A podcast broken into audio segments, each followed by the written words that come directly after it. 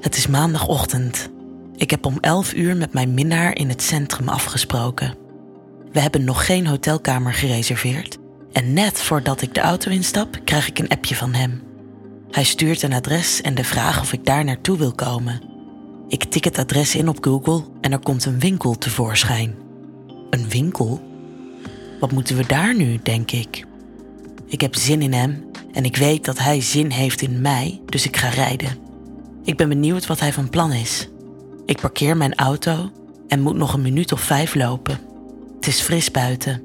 Ik heb een jurkje aan en daaronder jarretels. Ik voel de koude wind langs mijn benen gaan. Ik ben op de afgesproken plek, maar hij is er nog niet. Ik kijk nog eens goed om me heen. Ik sta voor een winkel en er zitten nog wat andere winkels naast. Boven de winkels zijn vervallen appartementen. Zou daar iemand wonen waar wij straks seks mee gaan hebben? Ik kan het me niet voorstellen. Hij komt aangelopen en zegt meteen dat zijn plan mislukt is. Hij wijst er naar een klein bordeauxrood uithangbord met witte letters staat er massagesalon op.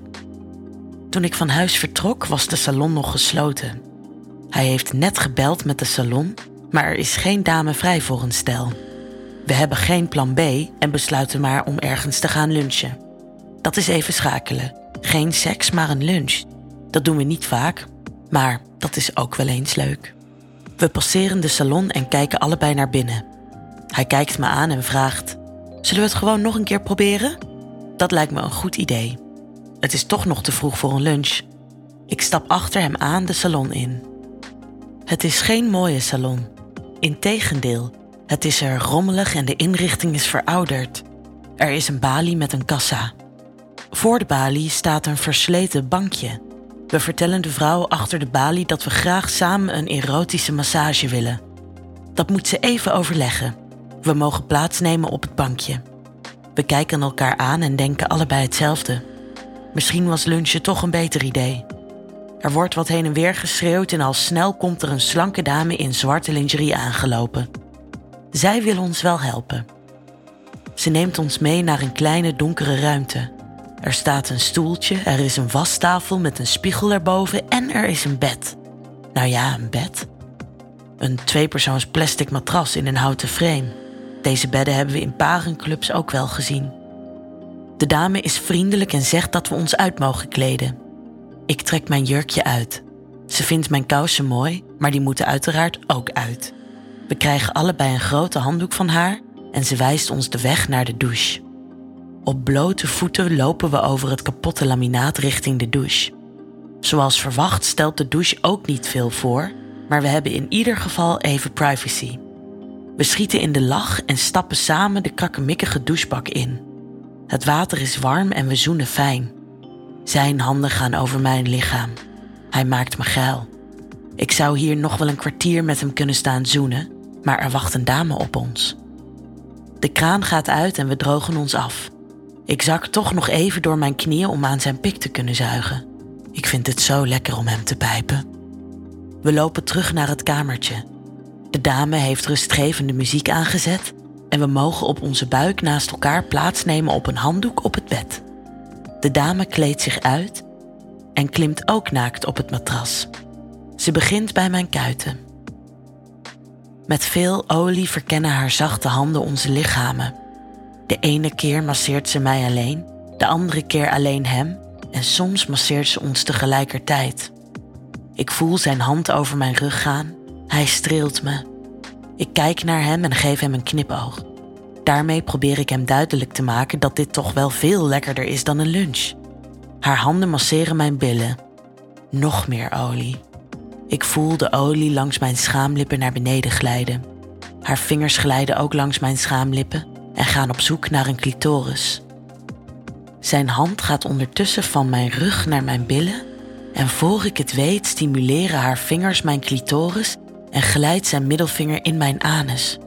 Mijn benen beginnen te trillen, mijn ademhaling versnelt en niet veel later bereik ik schokkend een heerlijk orgasme.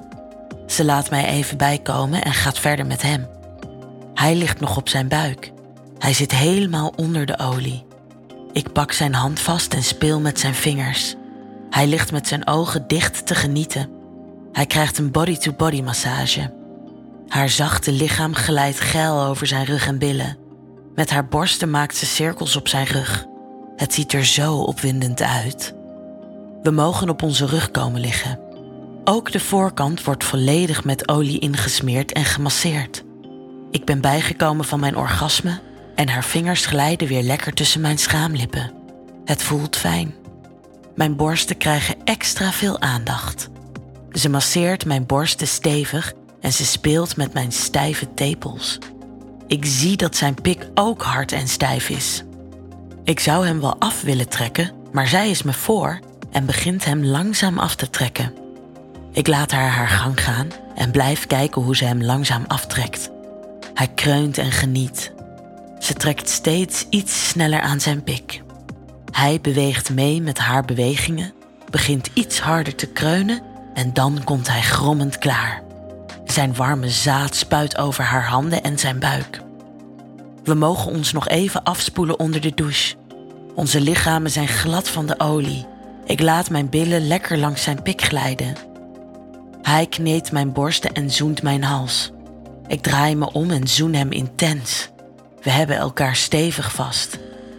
Ik voel zijn pik weer groeien, maar er is geen tijd meer voor seks. Onze tijd zit erop. We drogen ons af en kleden ons weer aan. We nemen voor de deur afscheid. Met een lege maag, maar een bijzondere ervaring rijker, loop ik terug naar mijn auto. De koude wind die langs mijn benen gaat, voelt nu veel minder koud. Wat was dit een heerlijke geile ochtend!